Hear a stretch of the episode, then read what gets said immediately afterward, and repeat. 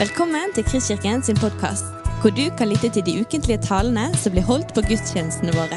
Vi håper denne podkasten vil inspirere og utfordre deg til å kjenne Gud, elske mennesker og tjene vår verden.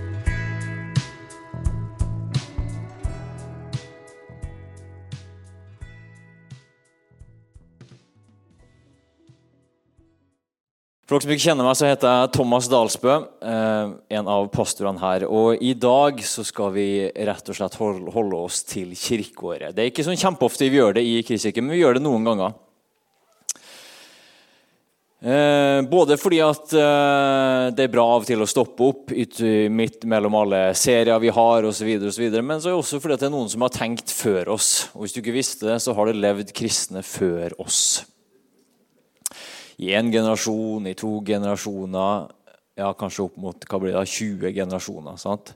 Generasjon på generasjon på generasjon med kristne. Og tro det eller ei, men selv før man hadde iPhone, og før Google, og før biler osv., så, videre, og så, videre, så tenkte man fornuftige ting om tro, om Gud, og Det er noe av det at man får koble seg på når man uh, ser litt ok, kirkeåret. og når jeg var ungdom og, og, og radikal, skulle jeg si, så skjønte jeg overhodet ikke hva vi skulle med et kirkeår og kirkeårets tekster. Og Så har jeg fått en viss uh, mer ydmykhet på det og ser uh, at man får koble seg på en type rytme som ikke er så dum. Så det, det er litt av det vi skal gjøre her i formiddag. Og vi skal det er jo denne dagen, allhelgensdagen. og Som gode protestanter så rykker vi litt til sant? når vi, kjenner, vi bruker ordet helgen, for det er jo ikke noe vi skal holde på med. Men jeg tror vi skal greie å, å ta det litt ned. Så gode himmelske Far, vi eh, legger de minuttene her i dine hender. Vi takker for at du er her. Takker for at vi får være i tilbedelse, vi får være i fellesskap. og Vi ber om at du skal virke på vår tanke, på vårt sinn, på vår sjel, på vår ånd, på vår kropp. med din gode Hellige Ånd. At sannheten får ta bolig i oss og vokse i oss og bære frukt. Amen. Titelen min, Det er ikke sikkert det blir den tittelen når, eh, når, den kommer ut på podkast, men i notatene mine så har jeg skrevet Allehelgensdag myten om det superkristne. Alternativ tittel Allehelgensdag de som levde med løse teltplugger. Så får vi se hvor vi havner. Men jeg har aldri vært sånn kjemperedd for å dø. Noen opplever det veldig sånn tidlig, at man, det er en type angst eller frykt som man, man, møter på. Det har ikke jeg gjort, men jeg har hatt iallfall to ganger i mitt voksne liv hvor, hvor jeg har liksom Det har kommet under huden på meg da, på en helt annen måte enn det, det pleier å gjøre. Og Jeg er heller ikke hypokonder. Sånn det, der, det pleier å gå veldig fint, men det er som sagt to anledninger. Den ene anledningen det var at jeg jeg begynte å få ganske vondt i hodet, og så, og så vedvarte Jeg Jeg pleier ikke å ha, ha, vondt i hodet. Og så vedvarte det, og så øh, var sånn Jeg sto opp, og så, så var det litt grann, og, og, og, når jeg la meg, så var det litt Det var en sånn summing i bakgrunnen hele tiden. Og så, på, jeg, jeg, vet ikke helt hvorfor, men på en eller annen måte så, så kom den tanken inn at uh, Thomas, nå har du hjernesvulst. Og som regel, så Vi tenker jo masse rare tanker. sant? Så Det går inn det ene øret, skulle si, og så ut det andre. Men på en eller annen måte så festa den seg. da. Og så husker jeg Det er jo ikke sinnssykt lenge siden. Jeg skal ikke si at det var, noe har blitt veldig mye bedre, og sånn, men, men altså, eller hodeverken er vekke. Men, men, eh, men, jeg husker den følelsen som, Så gikk jeg der på, i nabolaget så hørte jeg på en visesanger. Så var litt sånn melankolsk musikk. Sant? Så får du stemning. Og så husker jeg det gjorde sånn inntrykk på For plutselig så kom den følelsen inn. Thomas, du skal dø. Plutselig så kom den følelsen. Den ble så reell for meg. Jeg, jeg, jeg, kan ikke si at jeg hadde dødsangst, men den ble sånn reell for meg. Og så, og så kommer det en rekke for man, man, man, får et annet refleksjonsnivå da, enn den daglige. liksom Smøre matpakke, lage kaffe, sjekke nettavisen, lage middag, sjekke nettavisen, legge seg. sant? Og så, og så er det samme tralten om igjen. Sant? Men så jeg skal dø. Og så kommer refleksjonsnivået helt naturlig på et helt annet nivå. Og så begynner jeg sånn, å tenke på barna mine. Hvordan skal det gå med dem? Og hva med alle drømmene og tankene og visjonene som jeg hadde? Ok, det var det. Men, men Gud, liksom. Jeg hadde jo så mye jeg skulle gjøre.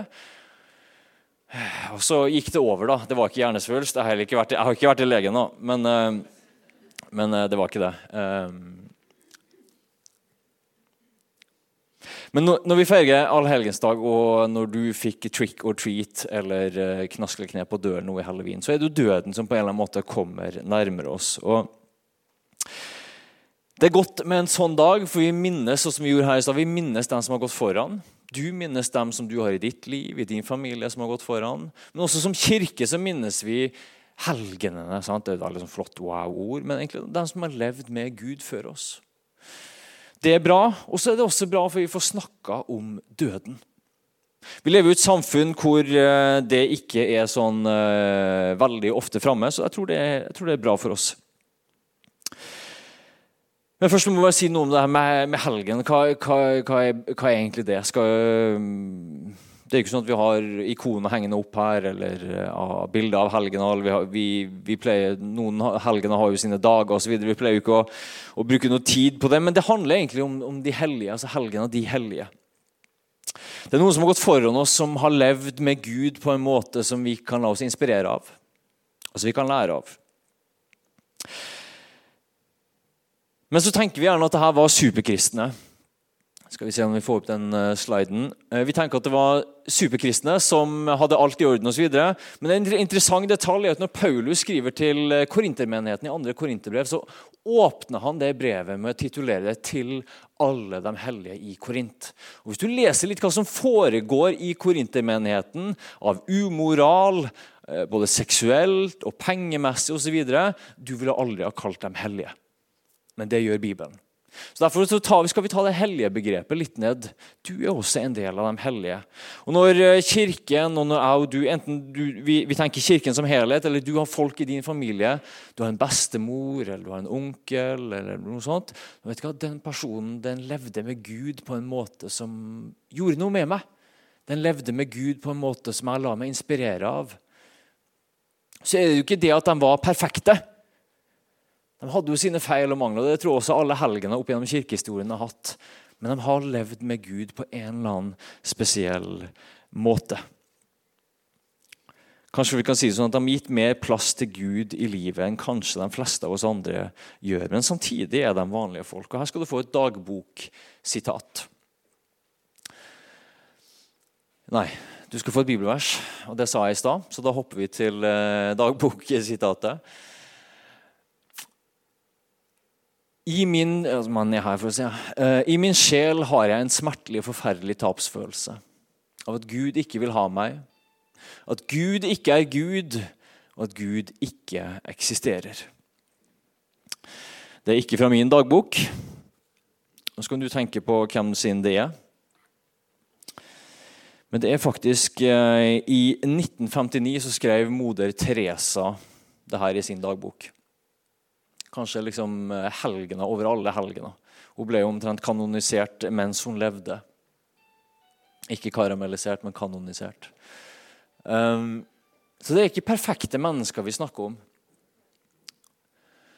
Um, og Mye tyder på at hun uh, at hun opplevde det på den måten, altså Moder Teresa levde med denne spenningen helt fram til sin død i 1997. Hun skrev det her også i dagboken sin at hvis, noen, hvis jeg noensinne blir en helgen, så blir det en av mørket.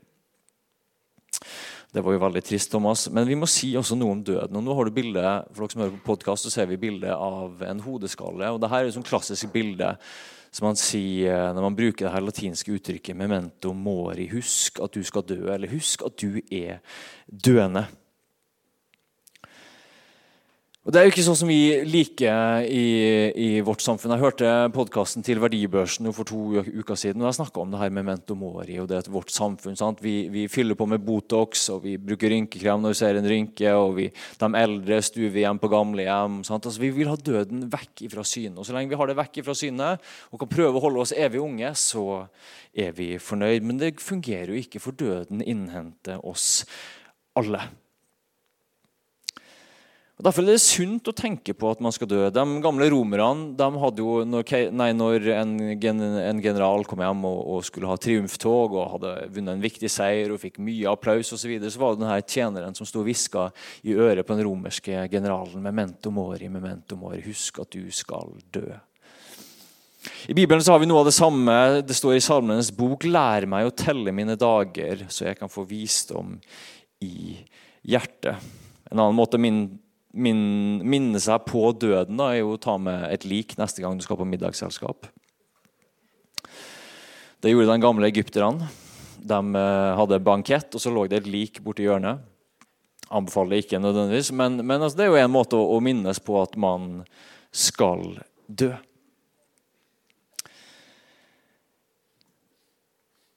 Her eh, ser du et bilde av veldig mange prikker. Det er antall måneder som du i snitt har i livet ditt. I begynnelsen er det fødsel, og så ca. midt på der 30-årsbursdag, og så 60 år, og så kommer du til 90 år. Så statistisk sett så er det her antall måneder du har. Så omtrent der, det der har jeg brukt opp. Når jeg har, for de som ikke ser det her, da, så har jeg ramma inn antall prikker som jeg har brukt opp. Og en gang så print, Jeg husker ikke om jeg gjorde det digitalt, eller om jeg printa ut, men så gjorde jeg faktisk denne øvelsen, og så begynte jeg å krysse av. Ok, nå var den uken brukt. Du kan få en med uka, du kan få en med, med måneder. Og så begynte jeg å krysse av. ok, Da var den måneden vekke. ok, da var den måneden vekke. Og det gjør noe med deg. altså. Plutselig så ser jeg ok, jeg har begrensa tid. Og det gjør noe. ok, Det er kanskje ikke kjempelurt for meg å bare scrolle på, på vg.no hele tiden selv om det er gøy av og til. Eh, fordi at jeg har lyst til å bruke den tiden her på noe. Og det gir oss den bibelske visdommen oss eh, Minne oss om å gjøre det.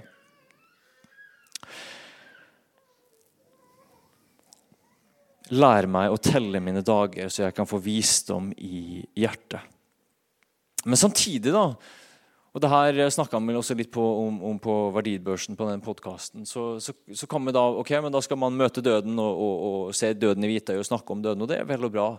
Men det kristne perspektivet går også enda lenger enn det å si at døden, ja, vi skal, vi skal, tenke på det, vi skal minnes på det, at vi har våre begrensninger. og Vi, skal, vi får faktisk visdom når vi, når vi, tenker over det. Men døden er også en fiende. For Man kan gå så langt og så kan man si at døden er en venn. Og døden er bare en del av livet osv. Men det bibelske budskapet er at døden er en fiende. I Hebreabrevet står det følgende.: Siden barnet er av kjøtt og blod, måtte også han fullt ut bli som dem. Og Slik skulle han ved sin død gjøre ende på ham som har dødens makt, det er djevelen, og befri og hør etter, og befri dem som av frykt for døden var i slaveri gjennom hele livet. Du vet, Som gode protestanter og lutheranere så vi er veldig flinke å vektlegge Guds tilgivelse. Det var derfor Jesus kom. Og Det er jo helt riktig, men det er like riktig at Jesus Kristus kom som seierherre og overvant døden og skulle befri dem som av frykt for døden var i slaveri gjennom hele livet. For det er sånn at Frykt for døden, som er kanskje den mest grunnleggende, primale frykten som vi mennesker opplever, den tar kvelertak på livet. Ja, den gir oss visdom når vi kan se på døden og ser at livene våre er begrensa.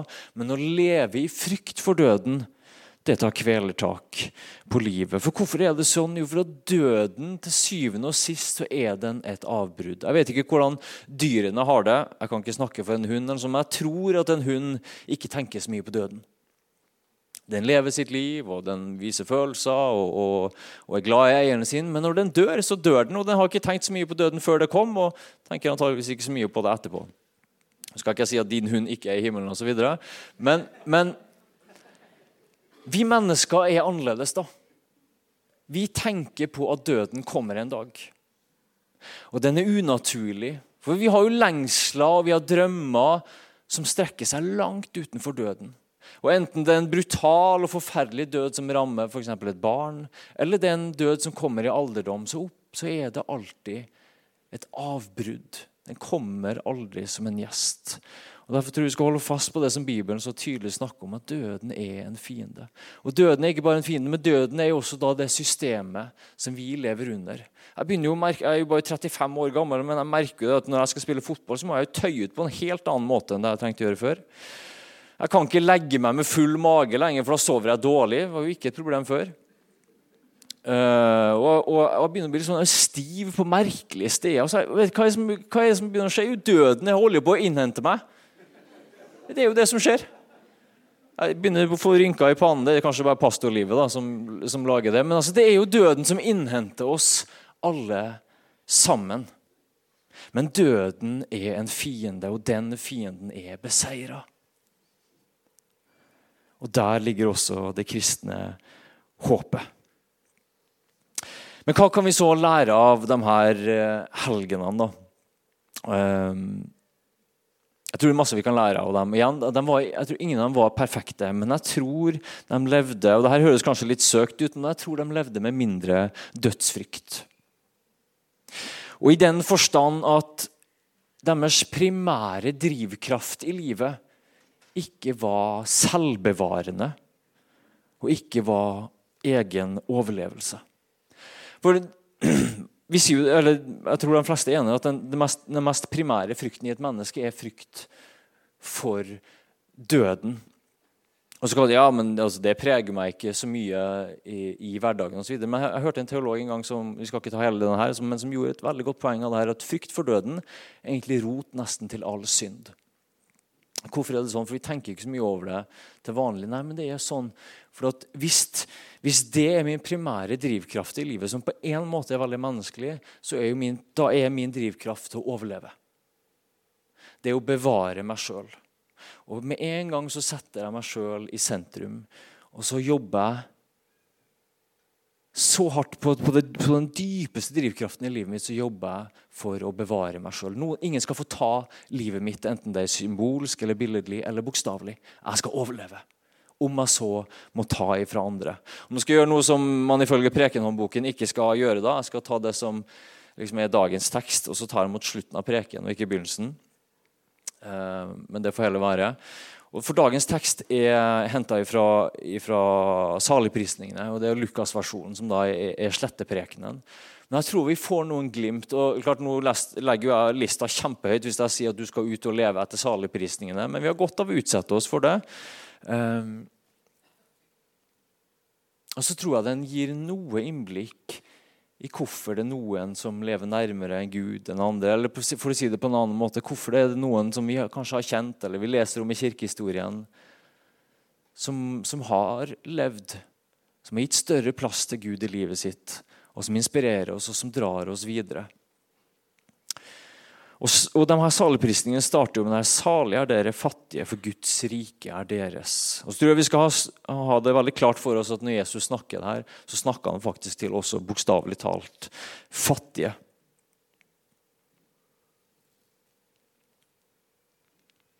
Men hvis dødsangsten da, er det som preger oss eller igjen for å si det på en litt annen måte, altså hvis, det, hvis vår primære drivkraft er at vi skal bevare oss sjøl og jeg skal holde, eller rett og slett tviholde på mitt liv, så er ikke jeg salig når jeg er fattig. Da prøver jeg å ta til meg. Men den omvendte visdommen for Jesus Kristus er jo da at salige er dere fattige, for Guds rike er deres. Så kanskje det er noe vi kan lære da, av et liv som er påvirka av Gud, et liv som er hellig. At det ikke er for knytta til materiell rikdom. Og Det er en av de primære måtene som vi prøver å overleve på, som vi prøver å sikre oss liv på.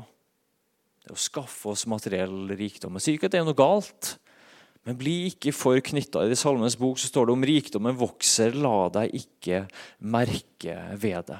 Og Jeg tror at dem som vi kaller helgener, eller dem i vår familie som levde, som, som, som gjorde noe med oss, da, for vi merka at det var en sånn gudkvalitet ved livet deres. da. De hadde litt løsere teltplugger enn kanskje oss andre. De var ikke så knytta til den verden her som kanskje oss andre. Og de satt ikke fast i f.eks. materiell rikdom. Så står det neste. Salig er dere som nå sulter, dere skal mette. Salig er dere som nå gråter, dere skal le. Jeg tror heller ikke de var for knytta eller fastknytt i egen komfort eller egne behov. Ja, de er viktige. Ingen av oss skal bli en dørmatte. Men det var ikke der man henta sitt liv, da.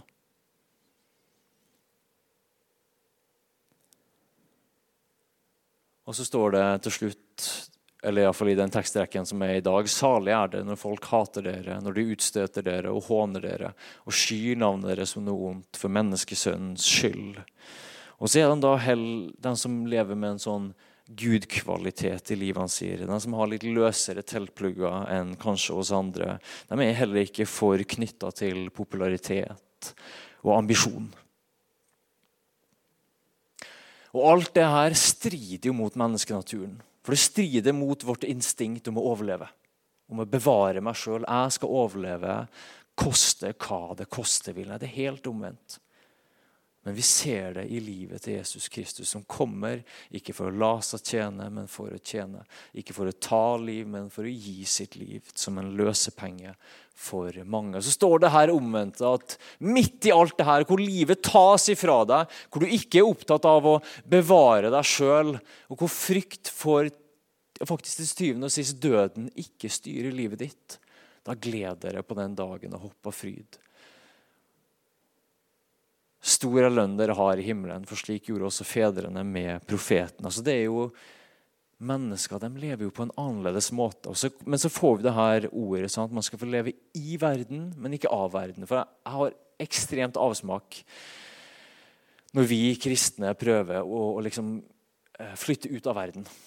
Og så blir vi så hellige og så svevende og så, og så flotte og sånn at vi har, ikke, liksom, vi har, ikke, kontakt med den urene verdenen der ute. og Vi skal ikke besudle oss med vanlige mennesker. og Vi, vi kan jo ikke glede oss over vanlige ting. Jeg, synes, jeg får fullstendig avsmak. Jesus var, bryllup, var i bryllup og lagde vann av vin og var på koldt bord. og, og han, han hadde det moro.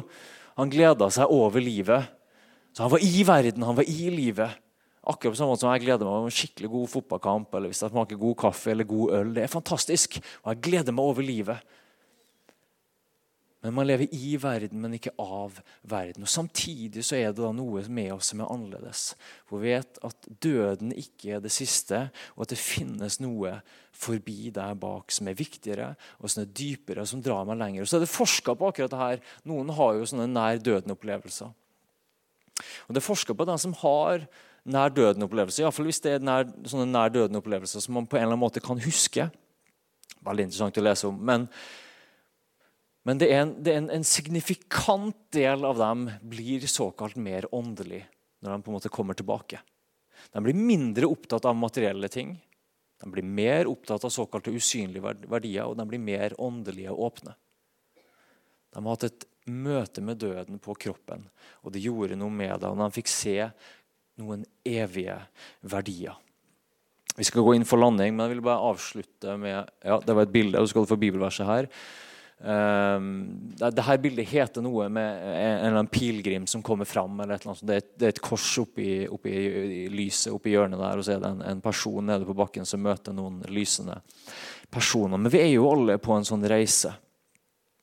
Um, og Hebrevet sier det på, på, denne måten og når han snakker om de her trosheltene som har gått før oss. I denne troen døde alle disse uten å ha fått det som var lovet. De bare så det langt borte og hilste, og de bekjente at de var fremmede og hjemløse på jorden. Når de taler slik, viser de klart at de lengter etter et fedreland. Og Hvis de hadde tenkt på det landet de dro ut fra, hadde de hatt tid til å vende tilbake. Men nå er det et bedre land de lengter etter, det himmelske. Derfor skammer ikke Gud seg over dem, men vil, kalle, men vil kalles deres Gud, for han har gjort en stand, en by, til dem. Han snakker om noen mennesker som ikke nødvendigvis fikk alt det gode i dette livet, men som hadde blikket lenger fram, og så gjorde det noe med dem her og nå. Så får du dette begrepet at de var som fremmede og hjemløse på jorden. Nå sier jeg ikke at du skal gå hjem og bli hjemløs, men kanskje pilegrim er et annet ord. En pilegrim er jo på vei fra A til B. Ja, en pilegrim stopper opp og ser på, på fine, eh, fine, bygg som han kommer til, eller en, en, en soloppgang der man overnatter osv. Hilser og blir kjent med folk på veien. Men samtidig er den aldri på vei, og stopp, nei, alltid på vei og stopper aldri å bygge hus. Han har en form for løse teltplugger. Blir ikke fastbundet i materiell rikdom, i ambisjon i popularitet, i å bevare seg sjøl, men er på vei. Og så tror jeg at det, de her hellige, enten det er din bestemor som har påvirka deg, som hadde en sånn gudkvalitet ved livet sitt, eller du leser om Moder Teresa eller andre, så tror jeg de utfordrer oss til å leve som, akkurat som folk som er i verden, men ikke av verden. Som lever som folk som kan sette pris på alt det gode vi har nå, men som vet dypest sett at vi er på gjennomreise og som dermed ikke lar seg knytte for fast til den nåværende verden. Eller hva skal man si på en annen måte? Eller bli fastknytt til den nåværende verden. For Jesus Kristus har overvunnet døden. Og da trenger ikke jeg og du å være redd lenger. Og når Jesus Kristus har overvunnet døden og garantert livet, så trenger jeg og du heller ikke å tviholde på livet. Da trenger ikke drivkraften i vårt liv lenger. Vi kan bli befridd ifra den drivkraften det er å hele tiden skulle overleve. Og komme ut i friheten i hva det vil si å leve i kjærlighet. Du har lyttet til en podkast fra Kristkirken i Bergen. Vi håper du har blitt inspirert og utfordret i din vandring med Gud. Vil du vite mer om oss, så klikk deg inn på kristkirken.no.